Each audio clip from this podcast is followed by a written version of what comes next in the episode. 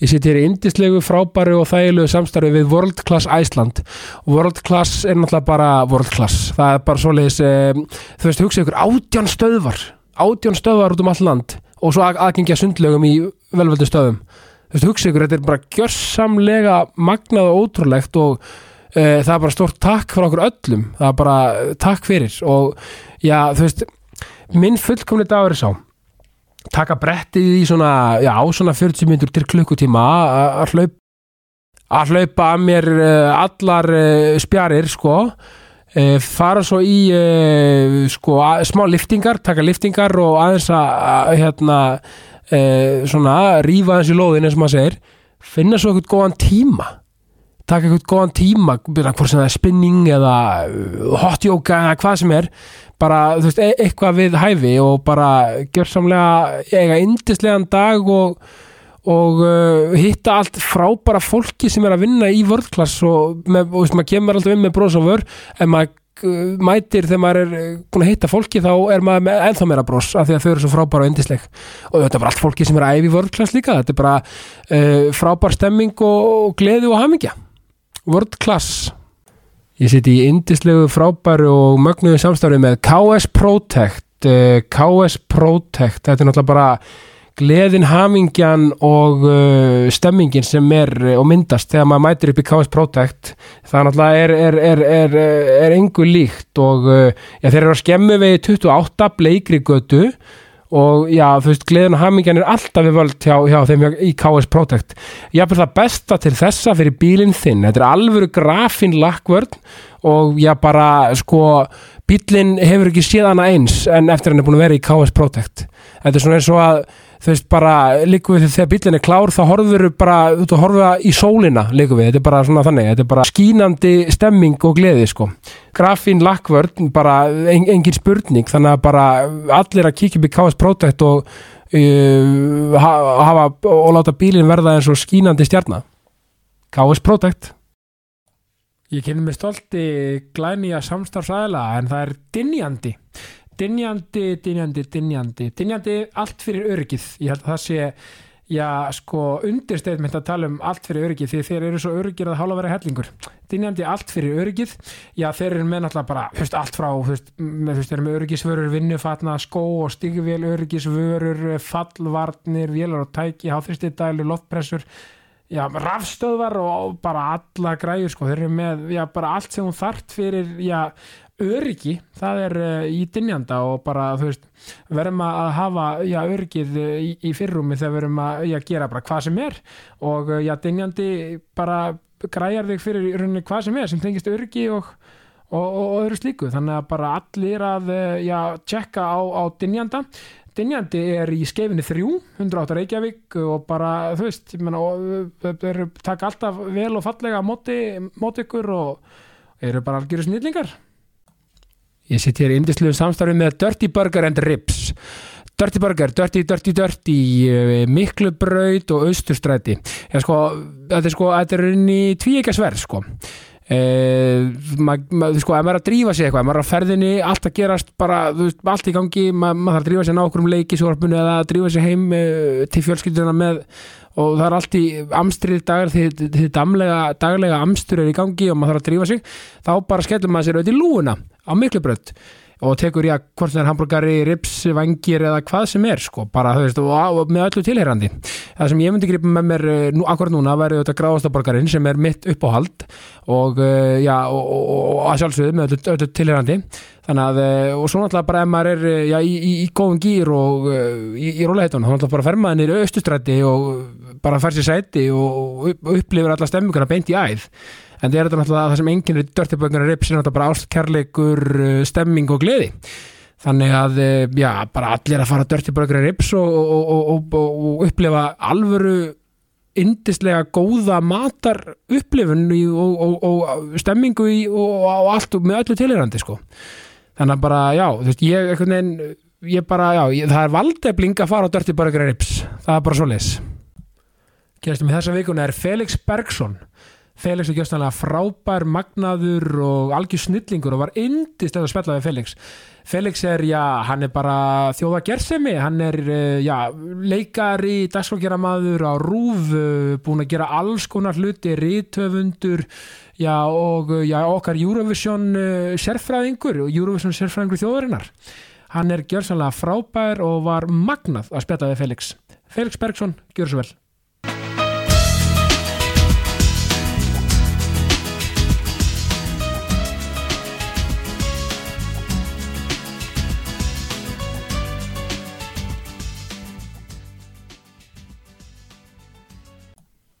Felix Bergson, velkomin í Jákastið Takk fyrir.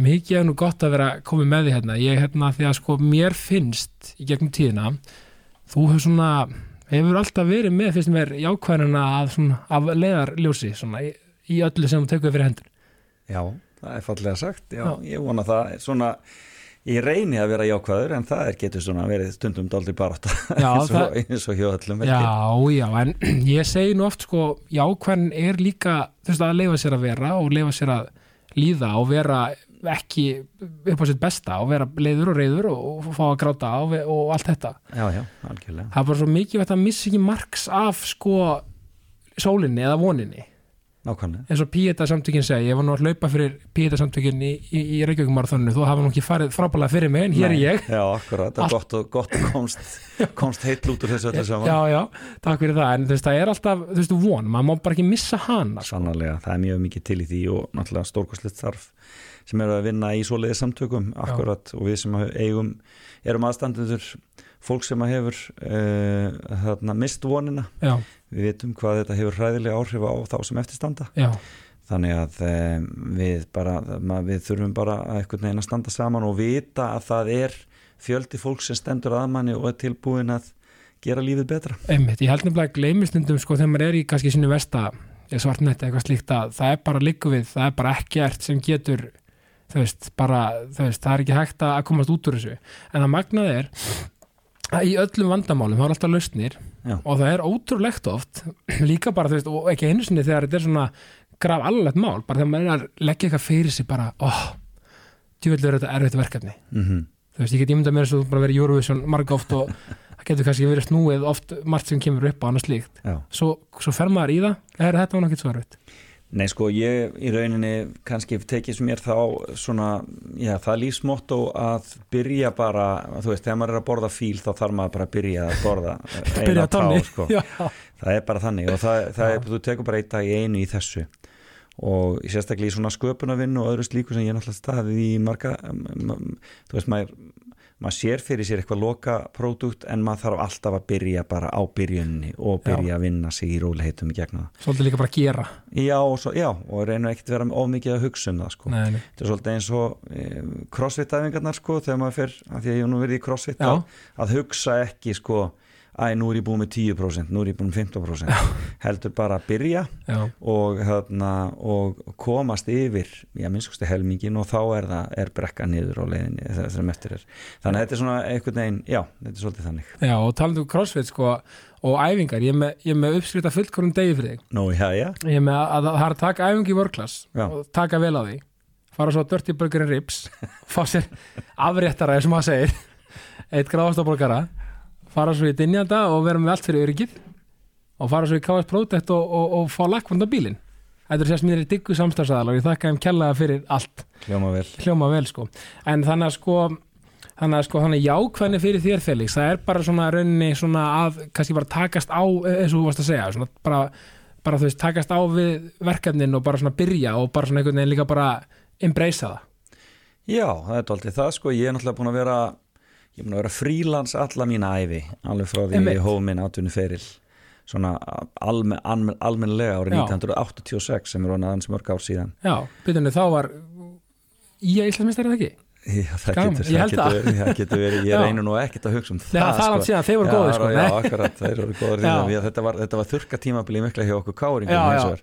Já, það er saga. já, en, en þá, þá er ég semst söngverið með greifunum og, og í rauninni verð atvinnmaður þá svona í listum og uh, hef verið í rauninni eins og ég segi alveg frílans síðan já, en þá er það oft á tíðum þannig að maður er bara frílansveikin er svolítið, það er erfitt að segja nei maður segir alltaf já í rauninni einmitt. og það koma, það koma dagar þar sem maður bara er með allt og mörg verkefni í höndunum Já. en þá er bara einhvern veginn að og ég, og maður upplýður stundum að það er svona það, mað, það þyrmir yfir mann að það er maður fyrir að sofa Já. og þarna e, og þá oft á tíðum finnst mér gott að setjast niður og skipuleggja Já, bara skrifa, hann skrifa kannski. Já, bara handskrifa á blað og skipuleggja bara næstu daga svona ætla ég að fara í gegnum þetta. Já. og svo er alveg ótrúlegt að vakna daginn eftir og það bara sólinn kemur upp og það er bara, það er ekkert með möguleikar. Nei, nákvæmlega, bara tilbúin í daginn. tilbúin í daginn og tilbúin að einhvern veginn og það er, það er nú svona það er nú svona einhvern veginn held ég svona já mm, næstu því uh, hérna, leindarmálið við lífið að, að, að, að þessi sól kemur upp og nýr dagur kemur og þá bara eru nýju möguleikar, bara Nák- byrjar þetta allt upp á nýtt Nákvæmlega, og, og ert þú eins og ég sko með og, og bætur inn í svo, til þess að, að láta daginn ganga betur og svona þú tala um crossfit og, og annars líkt sko bætur markvist, já ok þá tek ég æfingu kannski klukkan 8.30 þú veist til þess að vera ferskurinn í daginn e- e- eitthvað slíkt, bætur eru svona, svona auka Nei, ég tek ekki aðeingur klukkan 8.30 Nei, ok, það, er, nei, það, er, það, er ekki, það er ekki morgun aðeingar á mínu heimili. Nei, ég skilði en þarna, eh, nei, nei, já, ég geri það. Ég, ég bæti inn og ég, ég, ég ákveð að eh, ég ætla að hitta einhver ákveðna mannesku sem að ég veit að nærir mig eða gera eitthvað slíkt. Þannig að það er bara, bara mjög gott mál. Og það er líka partur af því að því að sko jákvæðin er auðvitað sko það er auðvitað sko einhverjum og mörgum auðvitað meðfætt að vera kannski já, svona, fyrir ekki að svola megin heldur en hitt sko, en þetta er líka auðvitað val. Já, já, og þú veist, þetta er náttúrulega bara auðvitað eru djöfuliði dagar og allt glatað og leiðilegt og allt er bara í, í, í abaskýt eins og maður segir. En það er hægt að segja ok veist, það eru möguleikar hérna. Og veist, ég ætla að velja með það að vera jákvæðum. Og mér finnst það mátturinn í því já er svo ótrúlegur. Já, hann er mikill, það er engin spurning. Og, og, og, og og það þetta, er og þetta, er, þetta er bara mjög gott ráð sem að hefur dugað mér mjög vel að ef, maður, ef manni finnst það, það þeir þyrmir yfir mann, maður sér ekki fram úr hlutum, já, að setjast bara niður með blað og penna og bara setja, skipuleggja sig. Mm og gera sér to-do lista og vinna svo bara hann niður það er ekkert meira kikk en þegar þú strykar síðasta atrið út af, út af svoleiðis. Þarna myndi kona minn taka undir með hún, hún er bara bókari já, og hún sér um þess að ég er þetta mjög skiplaður í minni óriðu ok. en, hún- en hún svona er með þetta check svona út og það er mjög gott að vera annarkur aðeins sé svona heimilinu. Já, það bara, og þá ertu búin að komast í gegnum þú kemst í gegnum í rauninu svo ótrúlega margt Já. þegar þú vinnur það þannig sko. Já, líka þegar svona brjálað að gera það, það verður maður að vera með eitthvað skipulag. Já, annars bara fyrir allt í allt, allt fyrir hönd. Allt fyrir þannig. en sko þannig að því við nefnum KR þú ert alveg upp í Vesturbænum. Já, ég, ég, sko, já, ég fæðist í Vesturbænum. Svo var faði minn skólastjóri á Blöndósi já, já, þannig að við byggum í sex ára á Blöndósi og hérna fjölskyldan og þar fæðist uh, fæðist uh, sýstir mín og hérna og uh, já já við höfum það mjög gott þar en átt ára þá er ég komin aftur í meðlaskólan og, og, og hef verið í Vesturbæni síðan. Ok, áhugavert, gaman að, veist, að þetta er svona áhugavert, að því ég er sjálfur 101 ok, þannig að það er áhugavert sko, ég er hugsað ef ég hefði flutt svona, svona langt að því að fyrir mér er líka við ártúrsbrekkan sko sveit, þannig að hérna, þetta hefur verið áhugavert og, já, já, og hérna, en þið voru hann, já, ok, Já. og svo fyrir aftur í meðlaskólan og, meina, og varstu það í fótbalt í KR eða íþróttum eitthvað slíkt og, já, þetta Já. var bara svona hinn venjulegi ferill svona Já. í lúðrasveitin í meðlaskóla og, og, Já. og, og hérna og í, í fótbolti káar, já, já, Já. og svo í köruboltan svona eftir því sem að hérna, síðar, sí- þegar síðar kom svona undir 12 ára aldurinn, þá var maður koni í körfuna já, hvaða Þannig að- árgangur er þetta í KR sem sagt í fótbaltanum? ég er 67 67, er það þá Rúni Kri og þeir? Nei, þeir Nei. eru aðeins síðar þeir Já. eru sko 69 og 70 Já, já, já, og, hérna, og það var náttúrulega stórkostlegur árangur, Já, ágangur. já. það var hérna Heimir, Heimir Guðjóns og Rúnar og, og, og allir þessir allar þessar hetjur, Þormóður Egils og allir þessir. Já, og hérna, þannig að við vorum alltaf frekar slagur árgangur minn en, en, en, en 60 og nýju árgangurinn er svona góður og það er þar sem við svona svolítið Já. og við vorum fannir að sækja þessa stráka yfir til okkar. Já, því, já, því, alveg í þriði og öðrum flokki sko, jafnvel þó þeir ætti ekki að vera mættir hangað sko. Nei, ég maður alltaf sko, þetta var hérna þetta var hjá Val, Kár og Fram sko, fór upp í Breiðholt. Og það var sko, herri, það er strætómið og kókumjölk og þið komið í Kár Já, það var sko en Rúnar til dæmis sko, sem bjóð upp í Brjóðaldi sko, hann var hann var káringur sko, pappans Já. var mjög Já, hann var KR-ingur, hann var þannig að það var alveg á hreinu en það, það breytið því ekki. Þegar það var svolítið verið að sækja þá.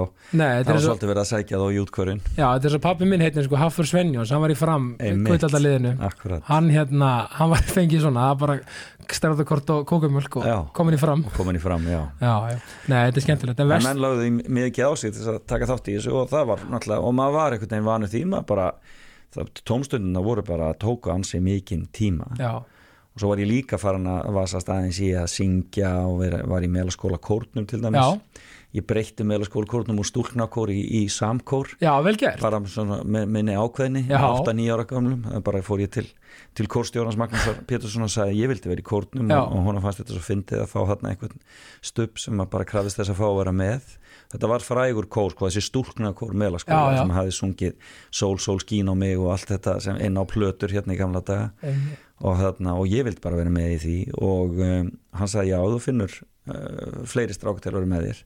Og ég fekk Hafstein Gunnar Jónsson vinn minn úr, úr bekknum til að koma með mér í kórin og við breyttum, við breyttum stúlkunan skóla í samkór. Þannig að það var stöð þetta var stöðu svona, já það var alveg ótrúlega mikið aktivitet og mikið í gangi og svo var náttúrulega bara, þetta voru heimsklassa listamenn sem voru að vinna þarna með okkur. Þessi Magnús Pétursson sem var kórstjóri einstakur hefileika maður, hann var kannski þekktastur fyrir að spila alltaf á píanóið í morgunleikfumin í útvarpinu sem var svona einn vinsælsti útastþáttur landsins já, með Valdimar Örnólfsinni já, ummi talandi tímar að tvenna Akkurat, það er alveg ótrúlegt. Þarna, Já, en hann var mikill listamæður sá Kall og, og, og stórkostlegt að fá að kynnast honum og fá svona sitt fyrsta tónlistar uppeldi þar. Og svo var einhver, engin annar en Pál Pampilgjara Pálsson sem var sko stjórnaði í Lúðrasveit melaskóla. Og það, er bara, það var bara stjórnaði hjá Sinfóníhjónst Íslands Einmitt. sem stjórnaði þessari Lúðrasveit þannig að þetta var í rauninni alveg ótrúlegt að bara fá að kynnast þessu fólki og fá að, að, að vinna með því sem barn sem, sem barnaðaldi Já, og rauninni, maður hugsaður að núna sko, ótrúlegt sko, af því að þetta, þetta verið bara svona ákveðin svona já, menningar, já, þú veist status að verið sem kór í rauninni. Það var það og, það og, og það að vera þessari lúðrasveit var það líka. Já, líka, já, og í rauninni eins og ég segja með mjög fjölmarkin sem koma út úr þessu sem síðan verða bara atvinnu tónlistamenn í kjölfarið. Einmitt. Og þarna fyrir utan að læra þennan aga og þessa þarna, það var bara, það var heilmikil harka í þessu, þetta var bara, það var mikil ákveðni við mann. Já, já, og þarna, og ég þarna spilaði á túpu í lúðrasveitinu þannig að ég þurfti að dröslast með túpun af allan vesturbæðin í hvaða Nokk. veðrum sem var En þetta er svolítið, þannig að þú vita kannski mjög ungur svona, já, hvert þú kannski svona vildi stefna kannski á þess að vera bara búin að segja það upp átt mögulega, eða skilu, bara vissi bara, já, þetta er svolítið mín Já, ég held ég að vera búin að segja það upp átt sko, Já. 5-6 ára var ég alveg ákveðin í því að ég ætlaði að verða einhvers konar, já, leikari eða söngvari Já. og þarna sko, mm, það er, engi, það, er, það, það er ekkit í minni fjölskyldu en, en móði mín hins vegar uh, spilað á gítar. Já, og þarna, það voru rosalega skemmtileg barnaðamæli heim hjá mér, það var sett upp svið og, og, þarna, og búin til eh, leiktjöld, þannig að það var dreigið frá og fyrir og, þarna, og það er til stórkostlega myndir af, af, af þarna, barnapíunum okkar að leika Karis og Baktus og, og, þarna, og það var bara það var, það var Jens? Já, nei, já, Nei. Ég, ég, ég held, ég hef bara hort opin Mm. á þetta allt saman já, þannig að þetta var, þannig að það var skemmt verið að búa til og það voru náttúrulega bara minna sjónvarp, minna, Já. þú veist, það voru ekki samfélagsmiðlar, það var ekkert að þessu Nei, og fórlega mín voru bara mjög uh, uppfinningarsöm og skemmtileg og ég bara fann það mjög fljótt að þetta var það sem mig langaði til að gera. Frábært. Og stemdi bara alltaf ákveðið á. Þannig að það var einhvern veginn, þetta var aldrei einn spurninga þetta var sá ferill sem að ég ætlaði mér í lífinu. Stundum hugsa maður, þetta er romantist að hugsa til þess af því að nú er ég með fjóra fimm ára sjálfur Írska tvíbora svo kallað strák og stelpu og maður átt hugsa sko hvernig fór fólk að í den tíð? Af því að nú er maður ætla auðvitað passar þú veist, skjánótkun og allt þetta en, en, en þú veist flesti fólk er í dag auðvitað að lifa smá svona skjá, þú veist, á til en maður hugsa stundum bara svona til þess að bara svona um svona hugmyndaflöði sem var í den að finna upp á eitthvað til þess að gera Já, veist, að það, það, það er allt svo auðvelt í dag Já, skilur, það var náttúrulega líka bara þannig að við fórum bara út að leika sko. Það var bara, þú veist, það við, við, við bara, okkur var bara hent út í rauninni Já, sko. og, að og þið- ekki koma inn fyrir að, matur. skilur við fyrir að það er matur já, sko. en bara svo gaman veist, svona kreatíft þetta á þínum fóldrum að, Já, að já. þú veist, gera eitthvað svona Já, skemmtilegt já, sko. við gerðum, þú veist, og, og sömarfríin voru alveg tekin og það var farin hringun í kringun landið og Já. þú veist, þetta eru bara minningar sem búa með manni alltaf. Akkurat. En þarna, og ég bara uh, já, maður getur eiginlega ekki uh, uh, þarna prísa það nóg að fólk Nei. einmitt reynir bara eð, sko, það sem börn vilja er fyrst og fremst eiga tíma með fóröld Akkúrat. það er náttúrulega það sem þau vilja meira en okkar þau vilja miklu meira heldur en að horfa á nákvæmlega, eða vera á samfélagsmiðlunum. Nákvæmlega. Þannig að það er bara spurningum að við séum, við séum fólk til þess að leggja þessi tæki frá okkur og, og eigða tíma með börnunum. Það er náttúrulega óskaplega gefandi og núna er maður að upplega þetta í gegnum barnabörnin. Já, gaman að vera afi. Það er bara best það sem maður hefur gerst bara og það er það er svo skrítið sko, það er svo uh, því að náttúrulega maður elskar börnin sín alveg uh, út af lífinu og hérna e, og þetta er náttúrulega mikilvægastu manneskjur í lífum hans og, en þau eru svona meira eins og framleikingamann eins og, eins og handleggur eða þú veist, Já. þau eru einhvern veginn, þau eru svo mikið hlutamanni. Já, svo koma sér barnabötn og það er bara eitthvað allt, allt Það er end product, sko. já, það er bara, það er bara einhver himnasending ég sko. veit það. Það er, það er líka, veist, bara, ég hef oft- oft ímyndað mér það, veist, að vera af og amma. Þetta er svona, þetta er svona veist, þetta er svona þetta er, þetta er annað væp, veginn. Já, það er til dæmis skila möguleikin sem er mjög góður. Möguleikin að skila. Já, já En það er líka bara baldur eru búin að fara í gegnum hitt, sko. Já, akkurat vera- þannig, að- en núna bara einhvern veginn já, þetta er bara stórkustlegt og maður bara vill eiga það sem allra mestum tíma með þeim Já, þeir líka með, þú veist, þeir alltaf með líka tvö sett sko af, af hérna, þú veist, af barnaböndum Já, hekki, þú já, veist, já. ég við erum með sitt kort í rauninni Já. og það eru bara þrjár vikur á milli þeirra, bönnun okkar Er það? voru mjög svona, synguðu sér mjög vel Svo saman alveg það er þægilegt.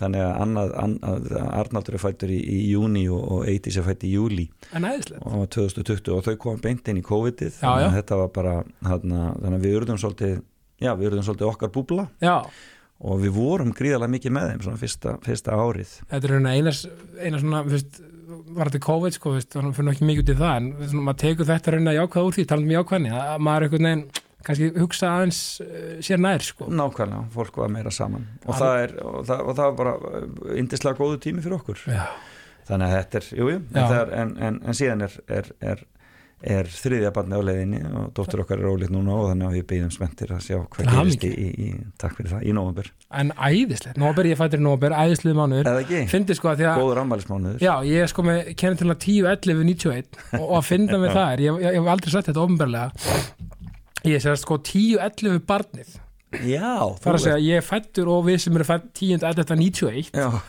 erum sem sagt fætt á sama deg og 10, 11 var opnað þannig að hérna og ég fekk alltaf sko 5000 króna gjafabriði útilíf í 10 ár. Já.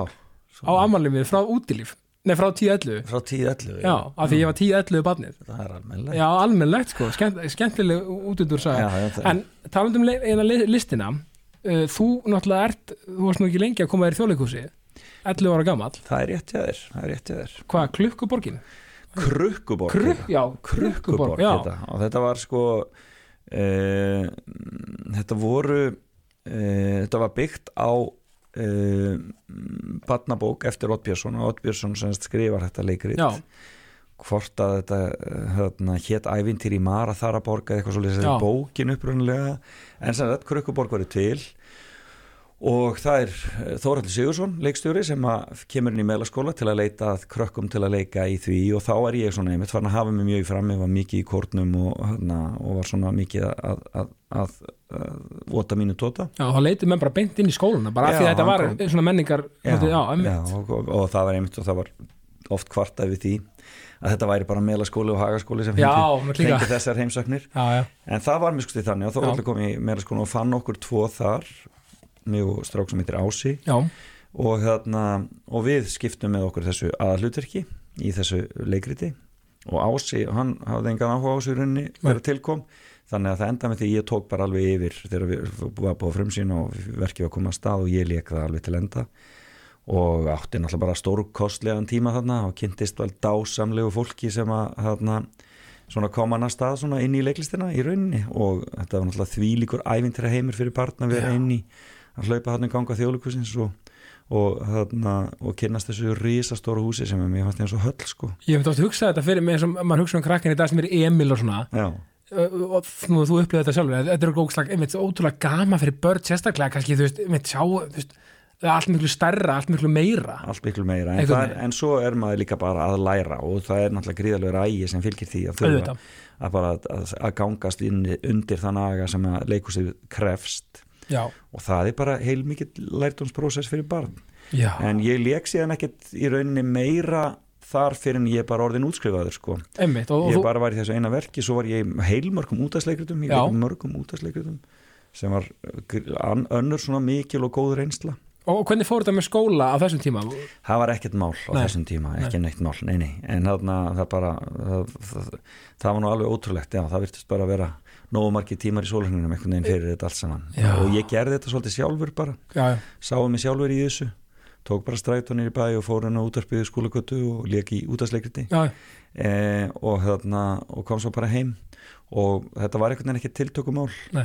En eh, svo náttúrulega bara þú veist, svo bara kom að taka við unglingsárin og, og mútur og þetta allt saman Já, og það já. breytist allt og maður fer bara að gera það sitt með, með sínu skólafélögum og vin- vinum algjörlega og hvað mentaskóla fyrir svo í? ég fór síðan í maður? það var náttúrulega ein ástæð fyrir því ég mér langaði náttúrulega bara að taka þátt í, í leiklistinni og nefndumótstarfinu þar Já, sem hefur alltaf verið náttúrulega auðvitað mjög stert já og það, það, ég, það var ógleymalegt Jón Ólafsson kom Já, e, og kynnti skólan, hann var þá á sínu síðasta ári. Já, þegar ég er á síðasta ári í, í, í Hagaskóla. Stert að fá Jón Ólafsson til að kynna sagt, sko, skóla, það hefur verið selið svona- í Já, og þetta var svona, Vestlunskólinn var að byrja á þessu að senda út fólk og þetta hafði ekkert sérst neitt áður sko. Nei, nei, nei, nei. og þarna og Jón bara, ég það má segja hann bara rekrútaði okkur þarna sko, það var var alveg ákveðin eftir að hafa heyrt í honum inn á salnum í hagaskóla, þetta væri skólinn sem ég langaði til að fara í. Seldur. Alveg um leið og þarna og það fór svo, hann síðan stjórnaði kórnum árið eftir og, þarna, og ég fekk mitt fyrsta svona stóra hlutverk í, í, í, á nefndumöndu Vestlunarskólans þarna árið eftir. Vá, og hvað sýning var það? það var Rocky Horror, við Horror. Rocky Horror og undan öllum öðrum hér heima. Já, þannig að það er oft talað um þess að síningu sem Kolbjörn Haldursdóttir sett upp með Já. handskona hamralið sem var alveg stórkostleik það sem Páll Óskar alveg Frankan Förster en ég hafði gert þetta sagt, fjórum árum fyrr í Akkúrat. Vestlunarskólanum Aldrei að gleyma því, sko það er gaman að velta því fyrir sér já, og svo, svo klárar að Vestló og, og þá, sko, á, sko, þú fórst Skotlands í, í, í Edinborg, til Edinborgar í leiklistanám Mhm. Var eitthvað í millitíðin eða, eða fórstu beint? Já, í milli þínu var náttúrulega, ég verð popstjarnar svona Já. alveg óvand og þarna, já, og það verður svona, já, það gerist eiginlega bara algjörlega fyrir fullkomna tilviljun. Já, Ég var svona aðeins farin að, að, vasast í einhverju hljómsveitstandi, hafði verið í hljómsveit með frábærum mönnum uh, sem að varð sann svona ekkert sérstaklega mikið úr, úr. Það er Sveit Kjartansson sem er uh, bróðir Sigurjóns Kjartansson já, og fleiri góði menn þó, uh, þarna uh, Styrmir var hann, Styrmir Sigursson mm hljómbásleikar og fleiri vorum með einhverja hljómsveit og það var svona gekk svona ekkert neina ekkert þannig að það var ekkert mikið úr því og ég var bara að reyna að lufsast áfram með þennan vestlunarskóla og klára hann með Já, já. einhverjum hérna, herkjum sem að var nú eins og það var eftir, með, í öllu þessu félagslífi það segja það með allir sem hafa verið í Vestló og verið og fulli félagslíðinni á maður svona klára þetta með herkjum, sko Já, bara, þetta var bara þannig, þetta var bara maður lufsaðist í gegnum þetta einhvern veginn og alla mínar einhvernir, ég var sko ég var fjögur á samrændu, það var ekki þannig á stúdinsprófi, ég get alveg sagt Nei, þetta nei, en, Já, þarna, já. en ég var sem sagt og þá uh, hafa þeir samband við mig og ég er að leita sem sagt, uh, Gunnar Már Sigurfinnsson sem að frændi Bjössa í greifunum, já, benti þeim á mig og hann var þá svona að, að, að var síðar umbóðsmaður hljómsætturinnar já, uh, hann er núna hjá Æslandir uh, stjórnar þar kargodeildinni með miklum glæsibrar og þarna en um, já, en þeir hafa semst samband við mig, ég fer í einhverja pröfu og söng alveg hræðilega. Var það bara, Það hef klúrað þessu? Já, það var eitthvað alveg svakalug var alveg upp í raskati sem ég létum mig syngja.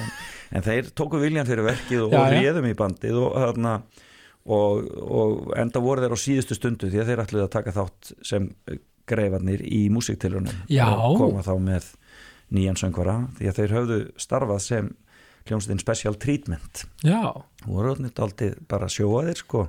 Voru að spila bara böllum og svona Já, og, og taka þátt í hljómsveikefnu Já. þau verið inn í Allavík og örðu í öðru sæti í músitinum árið áður. Já, já, þannig að nú áttu að koma sem að loka hnikkin og koma þá með, með söngvaram nýjan. Já og það var ég og við bara komum sáum og sigruðum og Þetta er svo þarna- fótballalega hérna sjokkar á hópin Já, það var daldið þannig. Já. og þetta var, þetta var bara og þetta var svona þetta var svona uh, svakalegu sveitaballa hann stemningstími, þetta er Já. svolítið byrjunin á því öllu saman. Já, þetta er byrjunin á sálinni byrjunin á, á bítlarnafélaginu síðar, hérna, síðar skítamóról og þessu öllu dæmi Akkurat. og nýtönsk og þetta allt er að koma þarna upp svona aðeins og eftir okkur, við erum rauninni svona ruddum hvað svolítið brautina fyrir þið löpuð þið, þið, þau getur löpið Já, það var daldið þannig, við svona settum á stað þennan nýja sveitaballa bransa Já, og þið vinnið músitilunir við unnum músiturinn og það var bara allt vittlaust og ég endist í þessu í rúmlega eitt og hálft ár. Ég, sem sagt, af- úr loka ás, ég kláraði árið 86, tók árið 87 og svo hætti ég í byrjun ás 1988 Já, því að þá var ég komin með þessa skólavist og uh, við þá ekki orðin hjón en á leiðin að verða hjón ég og Ástís kona Já. mín uh, hún var komin með skólavist líka í arkitektur þarna út í Etnuborg já, og við ákvaðum að drífa okkur bara á landibrott og þá var ég, ég var líka einhvern veginn alveg búin að ákveða það að þetta væri ekki eitthvað sem ætti fyrir mér að liggja að vera í þessum sveitaballa harki Nei, nei, og í þessu það, ég get ímyndað bara svona líjandi sko, veist, hver helgi og líka við bara hvert einasta kvöld sko. Já, þetta var bara rosalega, já, það var svakalig kersla sérstaklega það vinsældir eru miklar Já, já, þetta var bara ó, þetta var ótrúlega skemmtilegt og ótrúlega gefandi tíma ég Já. er gríðarlega þakkláttur strákunum fyrir að hafa tekið mig með þetta ferðalag sitt Já. því að þeir voru, al- þetta voru miklir eðaldrengir og frábærir en þarna, en ég ætlaði alltaf inn í leiklistina, ég ætlaði Já. alltaf í aðra átt, þannig að það var bara það var svolítið einhvern veginn að taka stökkið og það bara tók ég. Algjörlega. Og þarna, þannig að það er svolítið fyndið að þetta lifir með manni alveg alla tíð. Úti hátíð heyrist náttúrulega alltaf einhverju einustu vellum helgi já, já, þá fer það í gang. Og það er ennþá verið að spyrja mig hvar við greifarnir séum að spila.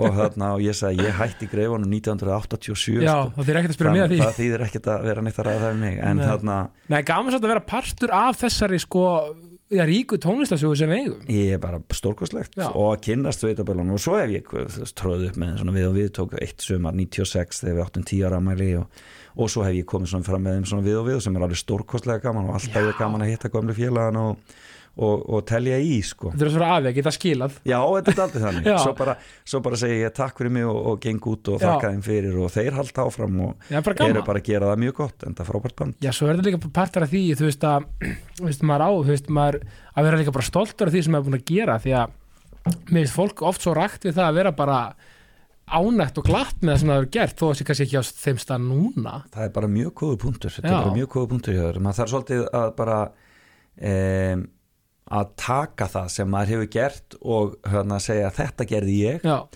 og ég er bara ansverðin ánæði með það Já. skilur svo er eitthvað kannski inn, þarna inni sem maður svona hugsaður já, nei, þetta hefði maður nú ekki gert ef að þetta hefði verið á þessum. Nei, nei, ef, að, ef, ef við hefum verið að gera þetta í dag. En þetta var tíðarandin og þetta, þessu tók ég þátt í og þetta bara er ég mjög sátt við. algjörlega. En þarna, mér finnst þetta oft sko, ég sé þetta oft með unga listamenn kannski sérstaklega þá, ég hef séð þetta svolítið í kringum söngakeppnina og í kringum Eurovision. Já, já, að menn einhvern veginn er eitthvað að reyna að, móka yfir það að hafa tekið þátt í því. Já all, í alls staðan fyrir einhvern veginn að, bara óna þetta, eiga þetta bara. Þarna var ég og gerði það ansíka vel. Já, og ég- meina sko, fólk er líka átt að segja því sko, undakefni Eurovision heima og bara Eurovision og allt þetta.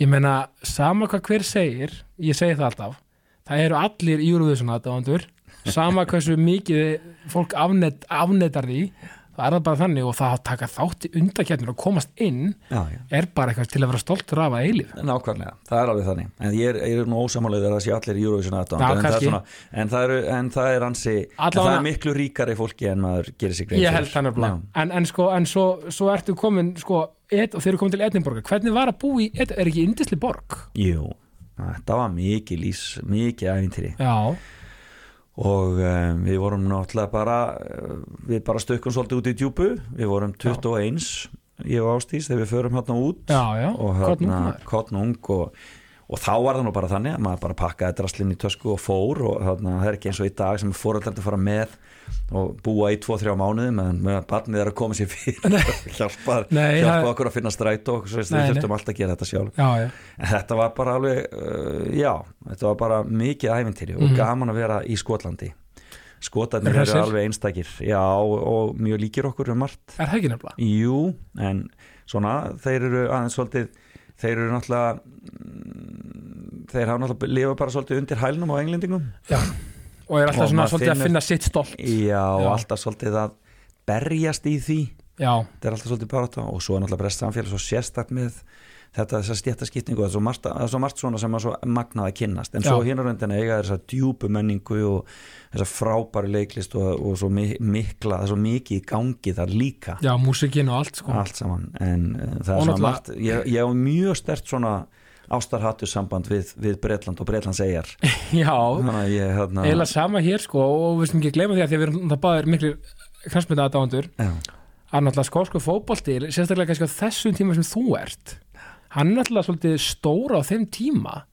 Ég meina sko, það var í nendís, ég meina það voru oft herri laun hjá Celtic og Rangers heldur en í, í í Englandi. Englandi, það getur verið sko en Já. þeir, já, já, um aðalega skórska landsliðinu gekk svona já, sæmilega það var ágættir þannig já, að þeir voru að gera það sæmilegt. Nei en það var nú alltaf, þetta var nú alltaf þeir voru nú alltaf, já, alltaf undir. Alltaf aðeins minni heldur en stóri Já. frændi eh, stóri bróður í, í suðri sko. já, já, og vissilega það var alveg fann maður og það, það var greiðan mínum en hann lísti þessu skemmtilega þegar hann hérna, um, þegar hann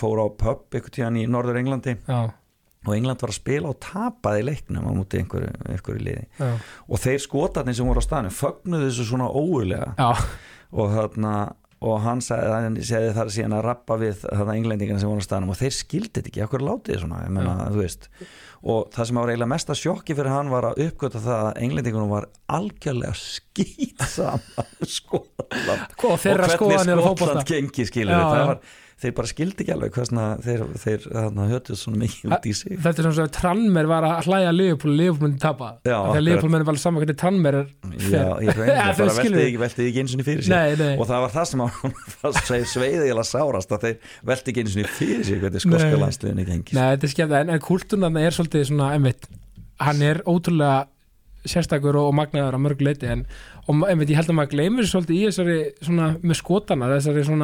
svona með það sem vennilega skota, en eins og segir, menningin hann er alveg ótrúlega og Já, sagan, þetta er bara, þú veist. Alveg magnað og gaman að vera þarna. Já, já, við byggum bara vel og höfðum það ansið gott. Já, og Guðmundur sonur okkar fæðist á Royal Infirmary fæðist í í Edinborg og Já. hérna, e, árið 1990 og hann hefur verið að fara þarna svolítið sjálfur núna já, sem er mjög gaman, fara á Edinborga festivalið og, og honum finnst gaman að fara og vera í Edinborg. Og það er svona svolítið skemmtilegt að sjá hvernig hann svona ég veit ekki hvort hann er upplegað ykkur rætur en það er eitthvað svona, hann minnst ég sækja svolítið þangað aftur, ég held að hann sé búin að fara þrísvar á, á festivalið, við buðum honum við Baldur eftir þegar hann var student já, þá buðum honum, þannig að það var stúdenskjöfun að bjóða honum til Edinborgar og vera í, í tvær vikur og, upplega festivalið. Gaman. Og hann hefur síðan farið tvisar sjálfur eftir það fór hann síðast með blæfi konu sinni og, og hérna, þeirra vinum í viku til að Nei, ég get alveg ímyndað með það sko ef maður fæðist í ykkur landi að maður kannski svona á þess að mynda þekkja eitthvað sem slíkt ég menna þeir, þeir flutt heim eða ekki 91 ekki satt Ég, nei, sko, ég flytt heim 91 Já. en Ástís átti þá ári eftir við Já. skiljum hann árið eftir. Já, og þá fer hann út til hennar til að vera hjá henni e, síðasta árið hennar, þannig að hún er ekki að koma heim fyrir hvað 93 eitthvað svo leiðis já ok, ok, þannig að hann var alveg hann í smá tíma. Já, já, þannig að hann upplýði það að fara í leikskóla þarna á svona og vera, að hann talaði ensku með skoskum hreim, sko, Já, það var alveg hræðilega hlægilegt og bara ótrúlega fyndið að heyra,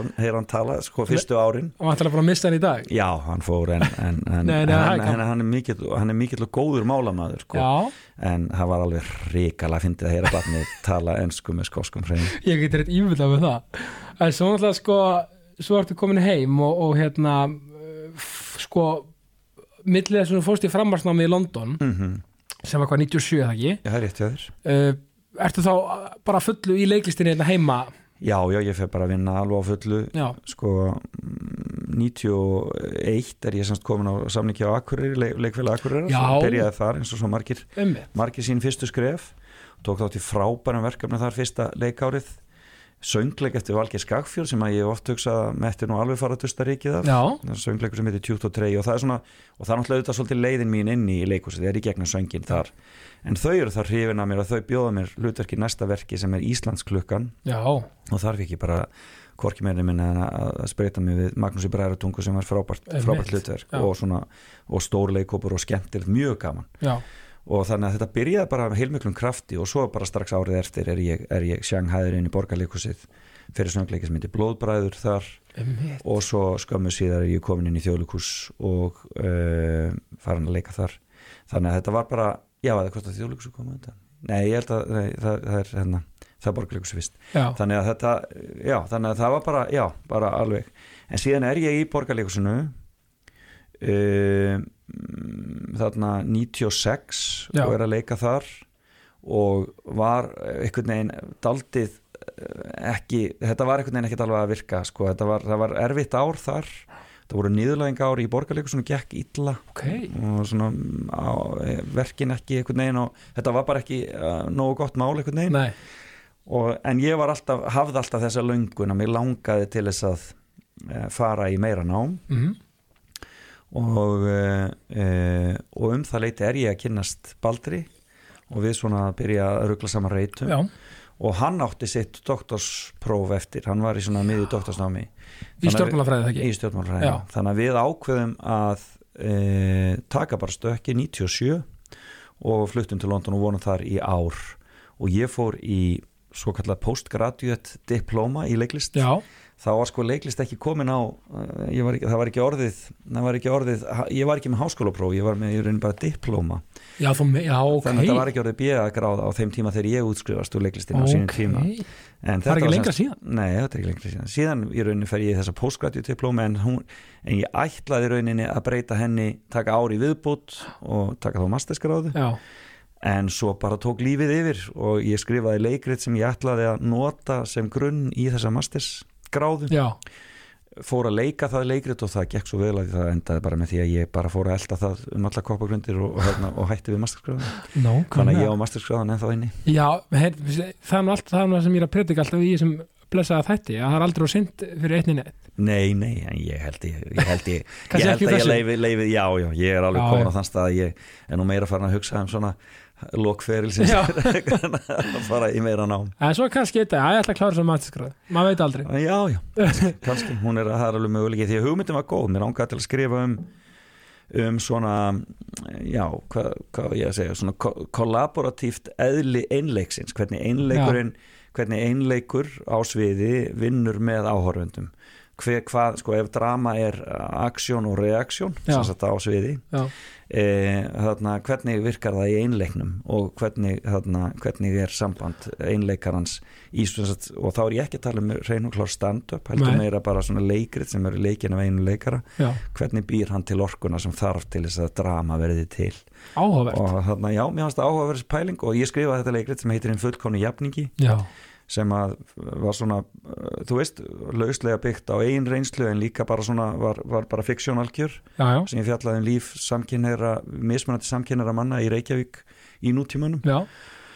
Og það leikrit bara tók yfir líf mitt næstu ára á eftir. Nákvæmlega, og, og, hvað, og hvað var það hérna svona lengi að að renna, sko, þú veist, var Sko, það það við byrjum í þessu svona 90, já, 97-98 erum við Kolbrún Halldórsdóttir að byrja að vinna í þessu. Já, síðan er það, erum við að setja það upp þarna 98 og frumsýnum í byrjun ás 99 já, og svo var ég að ferðast með það bæði, var ég að leika það hér heima og gekk viðalega vel inn í, inn í, þarna, inn í gamla bíói. Mhm.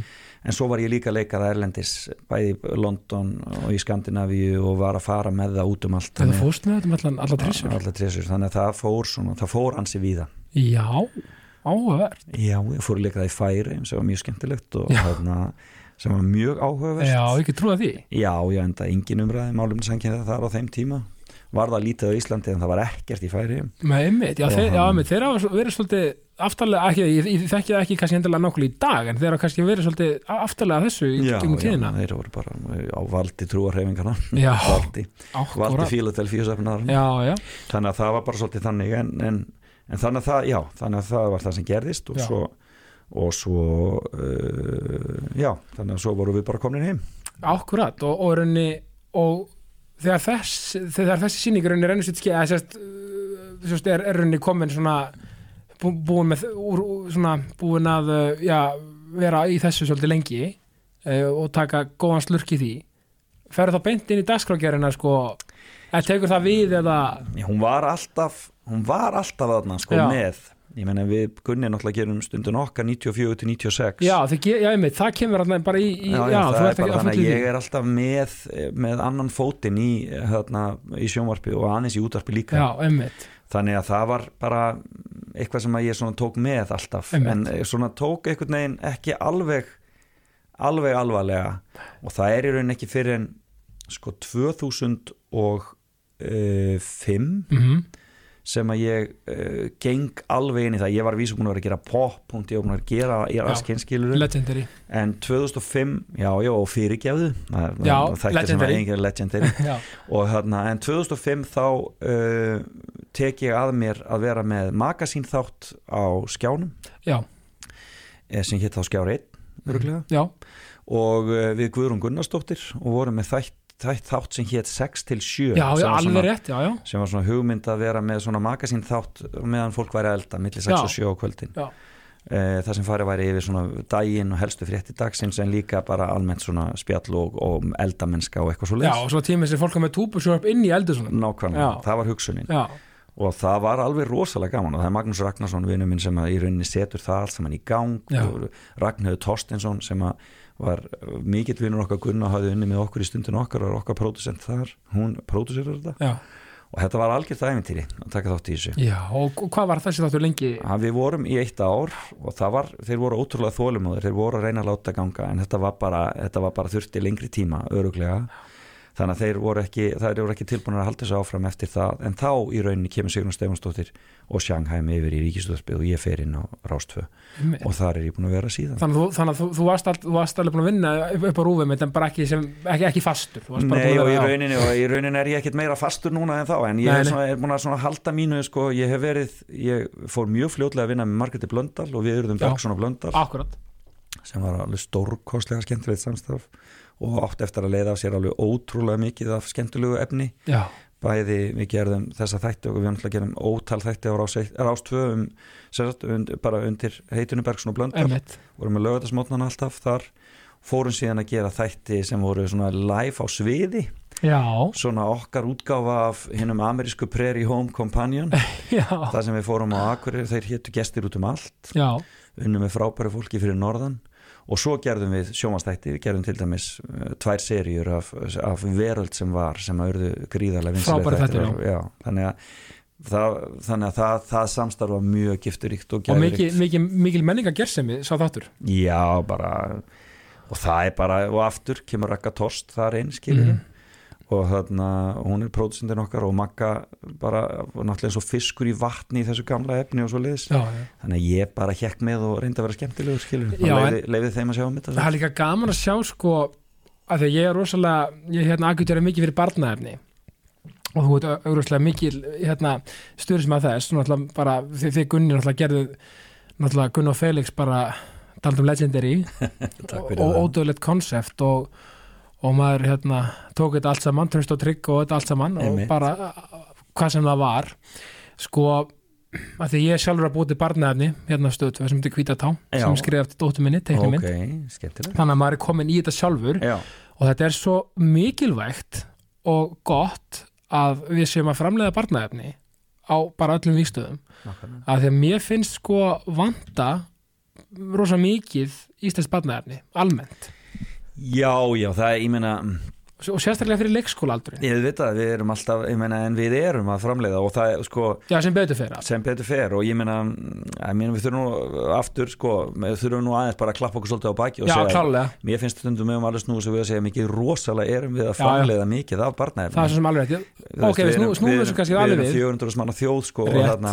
og við höfum bara svo mikla resursa í allt sem þarf að gera. Er þannig að ég er í rauninni mér finnst þetta alveg magnað hvað við erum að gera mikið já, í raun það er sko. rétt og þetta er jákvæða hliðin á sig Já, þannig að sko og ég veit að þetta er síminn er uh, ég veit að áherslan þar í Mm. innlendu dagskrádeildinni er á barnaefni já, það er þetta frábært að herra og það er sko, þú veist, þeir eru búin að fatta það að það er stóra málið að vera með eh, þarna, ef þú ætlar að vera með þarna, success og ganga vel já, þá verður að vera með nýtt íslenskt er rétt og ok, þá kannski getum við snúið þessu omvend af því að þetta er jákvæða hliðin og takk fyrir Mhm. það, ég er ánægð með þetta. En heimilin kannski og fólkið sem er með börnin það mætti kannski aðeins vera hugsa kannski að velja það líka bara á tungumáli og svona passa Nákvæmlega, það mætti passa það að velja betur íslenskt og ég meina Já. það, að það Sko, er mér auðvitað að fara YouTube sko. mér fannst gríðarlega stórt skref þegar Magnús Geir Þórðarsson varð útastjóri og býr til krakkarúf. Já, krakkarúf verður til.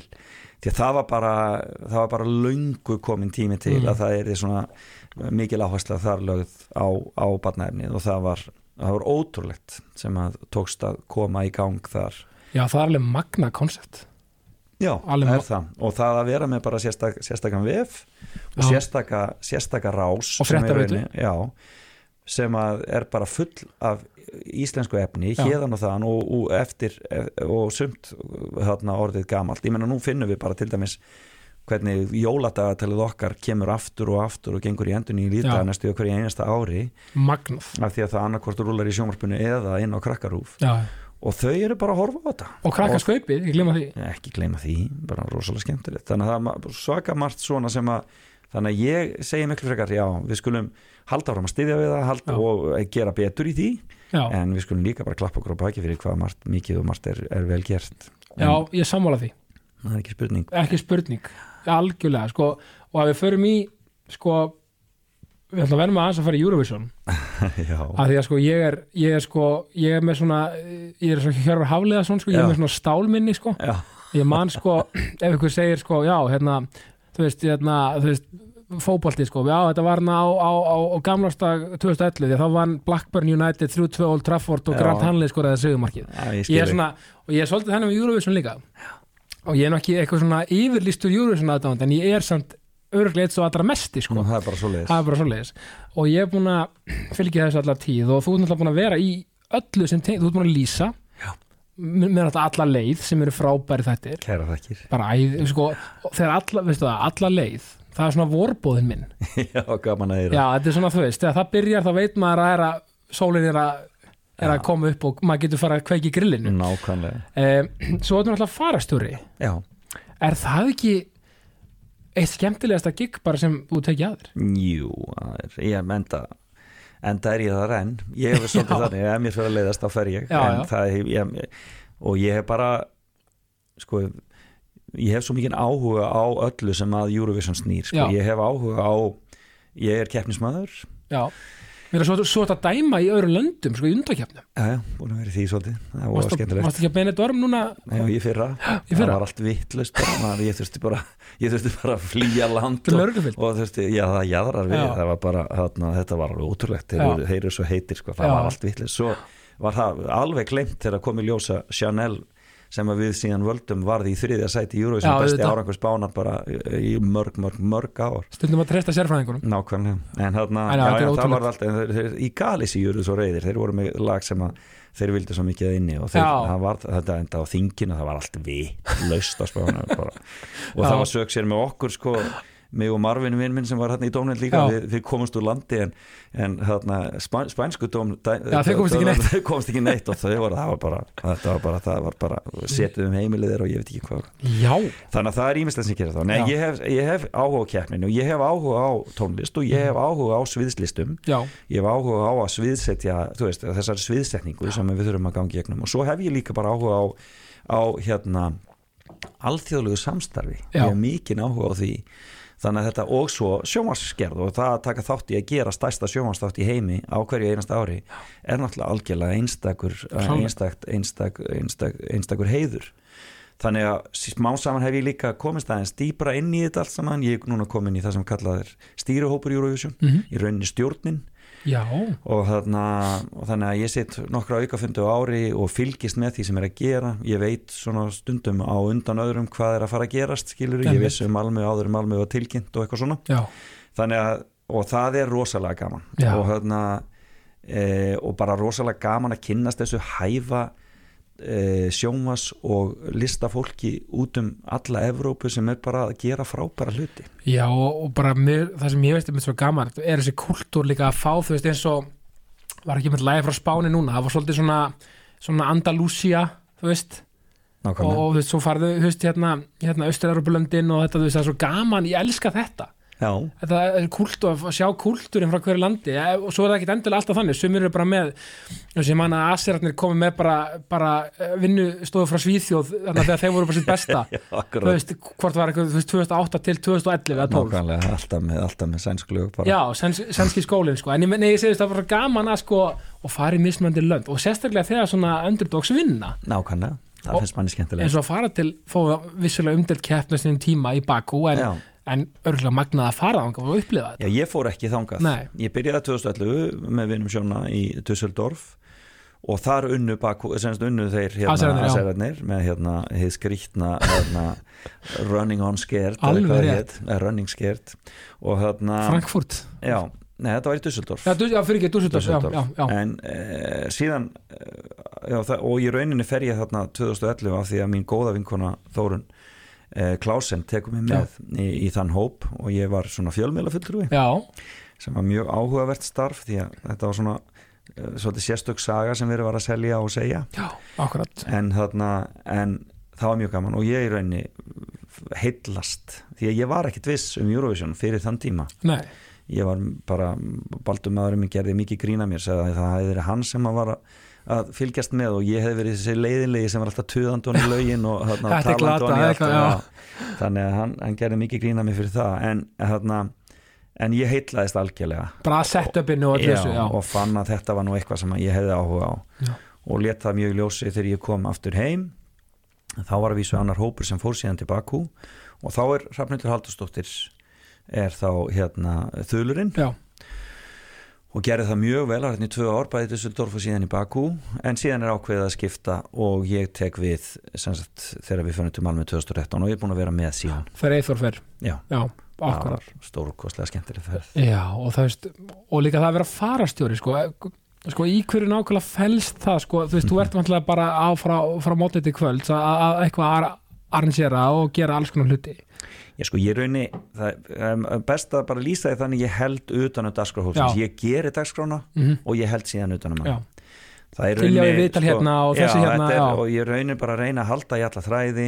Rúnar er að bóka viðtölum Rúnar Freyr sér um það, um Já. viðtalspakkan stundum erum við með aðra ENR skrifstofu sem er að vinna með okkur líka sem Já. er að bóka eitthvað slíkt. Og þá þarf að vinna það saman með þeim.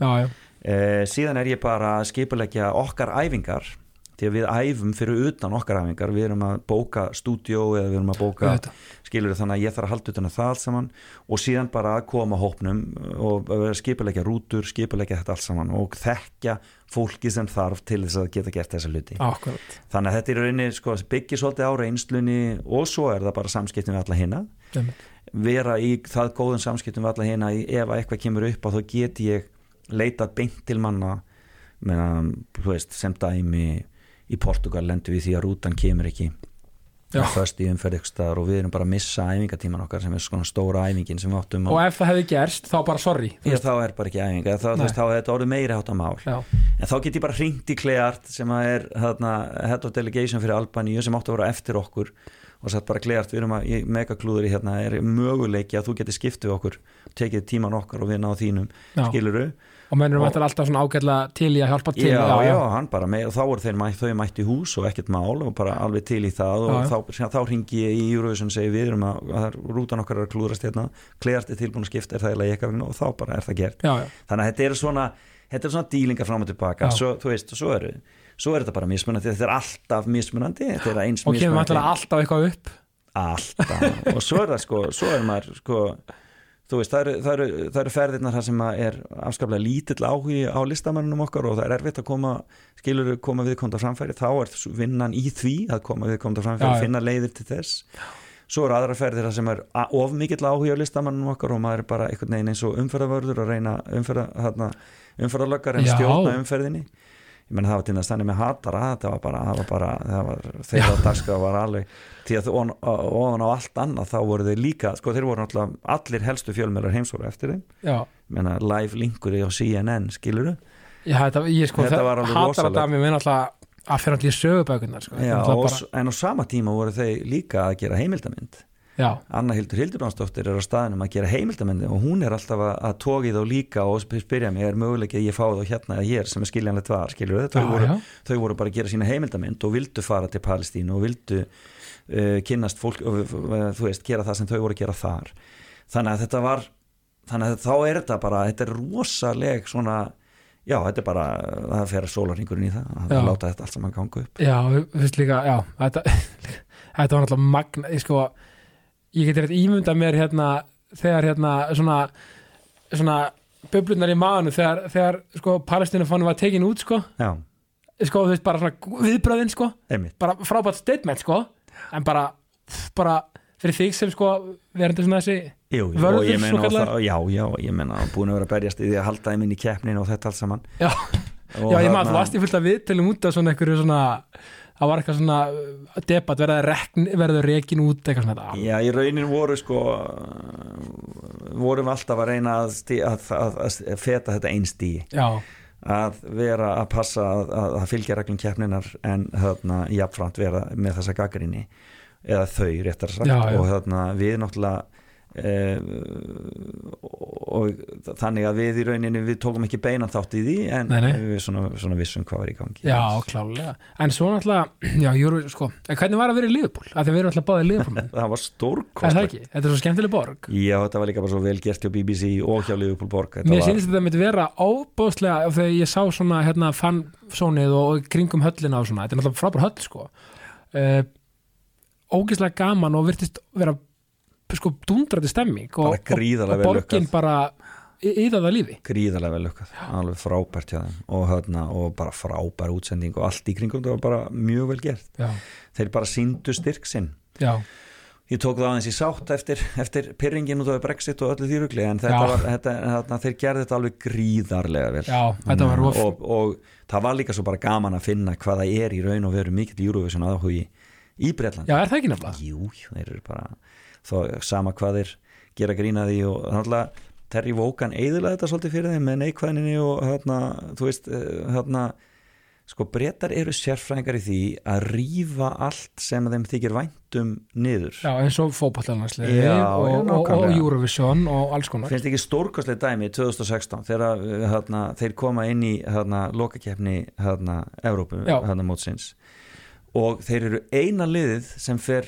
með, með 100% þeir voru búin að vinna hvern einasta leik í undakefni, Já, já. þeir voru með 100% sko, þeir voru, og þeir í rauninni hefðu átt að koma inn í keppnina á algjörlega á svona á svona á hæ skilur þetta- og þú veist, þeir voru bara liðið sem að enginn hafði, þeim hafði unnið alla Já, Á leiðinni. Já, bara, já, og þarna, nei, nei, nei, það var svoleiðis búið að rífa þá niður þrátt fyrir þetta í aðdraðanda mótsins að þeir koma bara inn eins og, eins og flak en það. byrjaði bara því að tapa fyrir Íslandi skilur og þú veist Ég- þetta var bara rosalegt sko. já, þetta er alltaf Já, og þú veist, þeir hafa alltaf gert ég menn þeir voru með þessi mögnuðu líði líka í gegnum tíðanum, en þú sér að þú veist, hvaða liði myndi ekki vilja hafa Lampart og Gerrard á miðinni en þetta er ykkur utan að koma til pressa sem, og í, í svo mörgu, hvort sem það er tónlist eða bara hvað, Já, hvað sko. menning eða íþróttir sem þeir eru.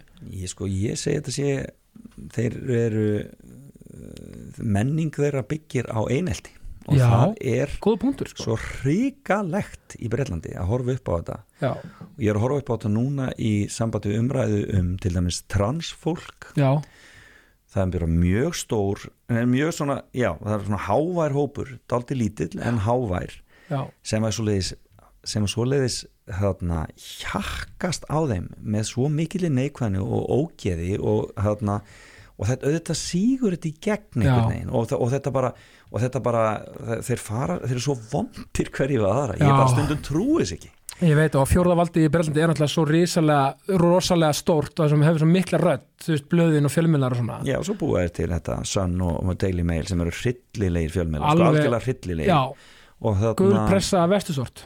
og þetta er veginn, þetta er svo svartu blettur á þeim og þetta er svona hluta þessu hérna, love-hate Nei, sambandi nei, mínu. klálega, klálega, að því að sko, að, sko við hérna reynum að fara anfíld þegar ekki, þegar ekki heims farsótt, þá reynum við að fara anfíld við hjónin einu svona ári, Já, fórum við að sér í sko brúkusverðin okkar til spánar og skemmtileg Já, við erum bæði miklu liðblaðdóðandur og mér finnst svo gaman í liðbúla því að mér finnst fólki hérna svo elskulegt, Sannarlega, og það var svo fyndið sko að því að einmitt, við fórum 2016 hann í brúkusferðin okkar og þá sagði við leigubistinni sagði, ah, frá Íslandi.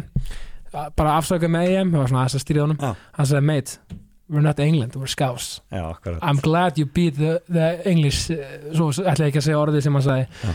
en þú veist ég var, á, ég var á vellinu þegar þeir púið á þjóðsöngin þegar, daginn sem að, uh, Charles var sett settur inn sem konungur sko. já, var, var það í kringum Eurovision? Það var Júrus Það var Eurovision, þið voru á þeim leik? Já, við vorum á þeim Já, Það þeir- var viku fyrir Júrus það var, sjötta, Já, sjötta mæ þeir letu alveg sína skoðinu ljós á Jú, já, búið hástöðum og þarna og menn voru, það var sko, það var svona spurning hvort það ætti að spila þjóðsöngina því að menn vissu Já. hvað myndi koma.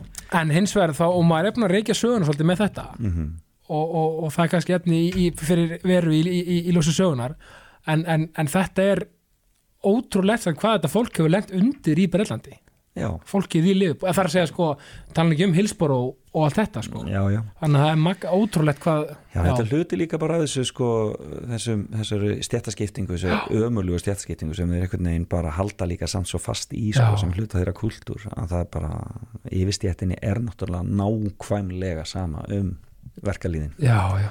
og, og, allt sem hefur gerst núna undanferna ár, einmitt Brexit og þetta allt saman, þetta er bara þetta er bara yfirstjættin að, að þarna að, að, að í rauninni að, að, að bara skara elda eigin köku, ekkert annað. Það er- alltaf græða á þessu en hinn er með alveg geta það sem úti frýs. Hljómar svo svolítið svona gamaldags pælingar.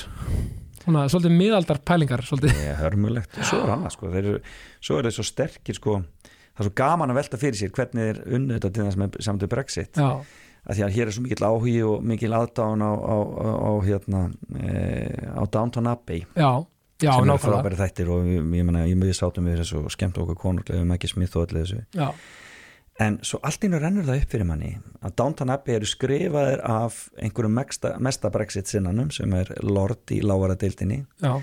Eh, og hann skrifar þessa þætti. Og Downton Abbey er fantasía já, þú meinar. Downton Abbey er bara einhver tilbúningur um einhverja veröld sem að er ekkert eins og hún var. Nei, því að e, það er sko fólkið á efri hæðinni það er svo gott við fólkið á neðri hæðinni. Það er tekið eftir hvað fjölskyldan uppi er opbóðslega góð við þjónustu fólkið já, hjálpar þeim fóstureyðingu hjálpar þeim að gifta sig nákvæmlega tekur einn af þeim inn í fjölskylduna. Bílstjórin er alltaf bara hluta fjölskyldunni og þú veist og þetta er bara þetta er svo, allir svo góðir svo þessi dásamlega breska sveit og enska sveit þetta er bara, þetta er svona þetta er bara mesti draumur sem til er skilur en auðvitað var þetta aldrei svona. Menna þeir hefði sko frekar ef að, að, að þjónstúlka varð ólétt þá var henni hent út og hún drafst eitthvað staðar í einhverju, einhverju hliðastræti sko og fór að vinna bara sem hóra skilur já, það var bara þannig skilur þeir það, og, og þessi draumur um þessa bresku sveit hann er ekkert svona skilur nei, en þeir búa til einhverja svona, einhverja svona glansmynd um eitthvað svona, þetta er svona make America great again skilur og, þarna, og fólk verður að trúa því að Bretland sé bara betra svo við ró- erum bara betri en þetta lið þarna út í Európa Já. og, og í kjálfæri kemur þarna Brexit-kostningin mjög áhugavert. Og, áhugavert. og það er oft mjög áhugavert að velta fyrir sér hver, hver er sögnin í kvikmyndum eða því sem, svona, sem við höldum að sé bara afþreng en er í rauninni að dæla inn í okkur einhverjum hugmyndum sem að þarna, við kannski erum bara svona, opnum bara fyrir? Já, og væri, leifum að flæða inn í okkur? Ég væri til að sjá mótsögt að við Downton Abbey heimildamönd um, um, um hérna bæinn svo Doncaster og, og hérna og uh, já, þú veist, ég meina Hull, já, Hú- tala um Hull Hull, og, og Grimsby og, og hérna Rodsdale og þetta, ég að vera áhuga þessu heimildamöndum þessa, þessa, þessa borgir og það bæi og, og sjá mótsögnuna nákvæmlega og hverjir það eru sem að taka peningan og hlaupi í burtu því að það er ekki verkalýðurinn, það er vist alveg á hreinu. Þannig að þetta er mjög, þetta er mjög áhugavert og, og, hérna, og, og, og til að pæla í. Já veist, svo, svo er líka bara, veist, meina, í London sko, veist, þetta er bara ég meina, þú veist ég meina, þetta er bara uppfyllt af ólíkorkum og, alls konar mannskap hann, skilur við, þú veist, Já, ég segja að það, það, í COVID þá þarna, minkaði ekki sala á kampaðinni í, í, í Breitlandi í, í, þarna, og það bara jógst inn í, inn í, inn hérna, já, já. inn í, inn í London. Svo erum við að setja reglur en, og, og, og brjóta það sjálfur í æsta valdurum, það er svo það er. Það er eins og það er. já, en, en sko, svo förum við í talandi um já, Frey og, Frey og Frikki. Já, það er, það er skemmtilegt verkefni sem takk fyrir það Þú- takk fyrir að Ertu ekki, að- ert ekki að skrifa, ert ekki að skrifa ég er að skrifa fyrir, fyrir Storytel og Já. er á full að skrifa það ég er búin að skrifa sem þrjár og ætla að skrifa þá fjórðu ég er að Já. skrifa hann í augnumlíkinu æðislegt um, og ég sem sagt hugmyndin var, mér langaði til að sko ég þegar Gunni fer að staðin í að skrifa og svona þá, Já. þá veist, það var svolítið hans game og ég einhvern veginn fann að mig langaði ekkert mikið inn í þannig það var alltaf Nei. verið að kalla eftir því að ég skrifaði meira ég skrifaði barnabók sem heitir Ævintýrið um augastein já, sem var byggt á leikriti sem ég hefði gert fyrir mörgum árum síðan. Hún gekk mjög vel og frábær svona jólasaga þó ég segi sjálfur frá. Já, en, þarna, en ég hafði ekkert verið að, að, láta mig langa til að fara nýtt að skrifa meira. Nei, og það voru byrja það. Að svo þeim, að vera líka að hafa þú veist, eldin í það, Já, og ég bara, já, hvorki tíman ég nennu ég segi það, já Þannig að, e, og mér langaði frekar þá bara að ve- vera bara með mitt batæfni, með Gunna og gera það eins og við gerðum. Svo, svo kemur Storytel og það er veginn, ég fer svona eins að hugsa hvort að það sé kannski, hvort að hljóðbókaformi sé eitthvað sem hendar mér betur. Og ég ákvað bara að prófa það og gera við á samning og uh, semst, þetta er fjórabóka samningur og mér langaði bara að gera klassískar ævintýrasögur um svona hressa krakka svolítið eins og ævintýrabækurnar sem ég las hérna í kannat eða fimm fræknu eða hvað það var. Já, já, og setja þau svolítið um sagt tvíbara sískinni sem að fara í svona ævintýraferðir með fóröldur sínum. Já, og á svona óvunlega staði. Þannig að ég sendi þau í fyrstu bókinu á Galapagos eyjar. Svo fóru þau til Kambodíu í þeirri næstu og voru við Angkor Wat og við hofinn þar stóru. Já, E, í þriðju bókinu voru þau komið til Afríku og fóru til hérna, Eswatini sem hétt einu sinni Svasíland já, og kynast þar ljóni og núna í fjóruðu og síðustu bókinni eru þau að halda jól í Ástralíu. Já.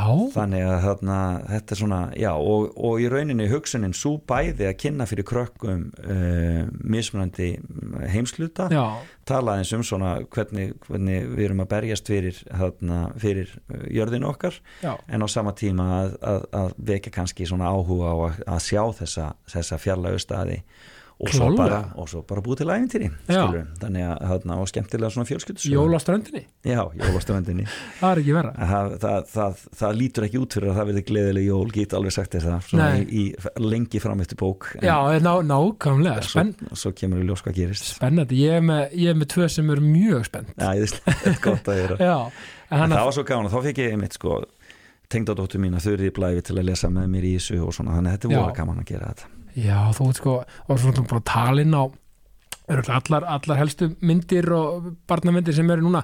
Náttúrulega aðgengilega aðgengilega, maður horfður á Disney Plus er núna. þar, já, já, sem er, við fögnum því. Og það er mjög skemmtilegt að það hefur mikil, allt ín fór bara mikil umræð eftir í gang með þessa teknimyndir en ég hef náttúrulega að, var að gera þetta fyrst og fremst á tíunda áratug síðustu aldar og svona Já. þeim fyrsta á þessari. Þannig að það er, ég hef ekkert mikið gert núna síðustu tíu, tólfa árin hef ég ekki mikið verið að talsetja. Nei, þú ákvæmst bara að taka allar það stærstu svo setja punktin bara þar. Já, það var svona meira að Disney fekk nóga mér og þarna bara, þeir, ég frétti það síðar að þeir voru svo, ok, nú er þessi að koma og ekki prófa Felix Já, ok. að var, þeir vildu, vildu fá aðra rættir Já, en, en þeir eru með allavega þá vita það að Aladdin fyrir mér er ekki einhver hérna, el- erlendu, það er bara Felix. Já, gaman að það heyra er það, bara svoleiðis. Takk fyrir það. En þetta er alveg magnað, sko, þá svona í lokin Já, svona í hérna uh, í bóði KS Protect Mhm. hvað svona drífuði áfram í leik og starfi, bara svona eitthvað svona ertu með eitthvað möndru eða eitthvað svona sem já. Eitthvað svona sérstætt þú- Ég sko, það sem drífur mig áfram er að um, það- að hafa gaman. Já, um, það drífur mig áfram að sko, sko Gunni Helga hefur sagði þessa setningu og mér, mér hefur fundist hún alveg frábær. Já, frábær hérna það á að vera gaman, Já. mann á að líða vel. Og ef það er ekki þannig þá þarf maður að breyta einhverju. Nákvæmlega. Og það er bara rosalega góð, góð og ég held að það sé mandaran mín svolítið. Nákvæmlega, þarna líka, þarna líka settur upp sko hva, að því ég ætla með kvartnungi og lokin sko, ég búið Dörti Böngur og Rips að hann settur þetta í sko þú svona settur þetta í eitt pakka. Og, svona, já, og settir slöfun yfir. En þá er að síða spurningin í lokin. Er þetta ykkur óvænt áhugamál? Óvænt áhuga Já, og svona, þú veist, bara ég er alltaf sko að að býja eftir að eitthvað segja bara eitthvað eitthvað obscene, bara ha, ger, er, er þetta óvænt á, áhamálið þitt? Já, bara eitthvað svona, óvænt. Áhugamál. Já, svona veit eiginlega ekki hvað skal segja með það. Nei. Ég þannig eiginlega hugsa þetta nei, Já. ég í rauninni, mín áhugamál er afskaplega bara það sem þú gerir? Og, já, já, nei, já, ég uh, ég sko ég, ég hef ég, á, ég veit ekki hvort það er óvænt áhugamál en ég hef gríðarlega mikið áhuga á stjórnmálum og alþjóða stjórnmálum já, þannig að ég, Ég ég, er- giftist rétt Já, að þýletinu til. Ég meina það kannski tengi ekki allir þig við það endilega Nei, að það en er ég hef bara gríðarlega mikið áhuga og, hérna, og, og, um, og á það til að detta í, í, í hérna, miklar pælingar í kringum það allt. Já, frábært. Mér- já, þannig að mér finnst það mjög gaman og ég hveit allar til að ræða við félagsum pólitík. Er sem, við hittum það förnu vegi. Já, þá kannski kemst að ég er ekki alveg eins jákvæður og það ég held Nei, aftur, það er jákvæðin að vera líka hérna með svona realismi er, er jákvæð a- af því að ég segi alltaf hérna, orðið gaggrinni það er búið neikvæð að væða það orð fyrst mér. Að rýna til gaggs er jákvæð já, akkurat. Þannig að Felix, takk kærlega fyrir komin í jákastið það var heldur lítið, Og- bara mín er öll ánæguna og ég enda bara því að segja ást og friður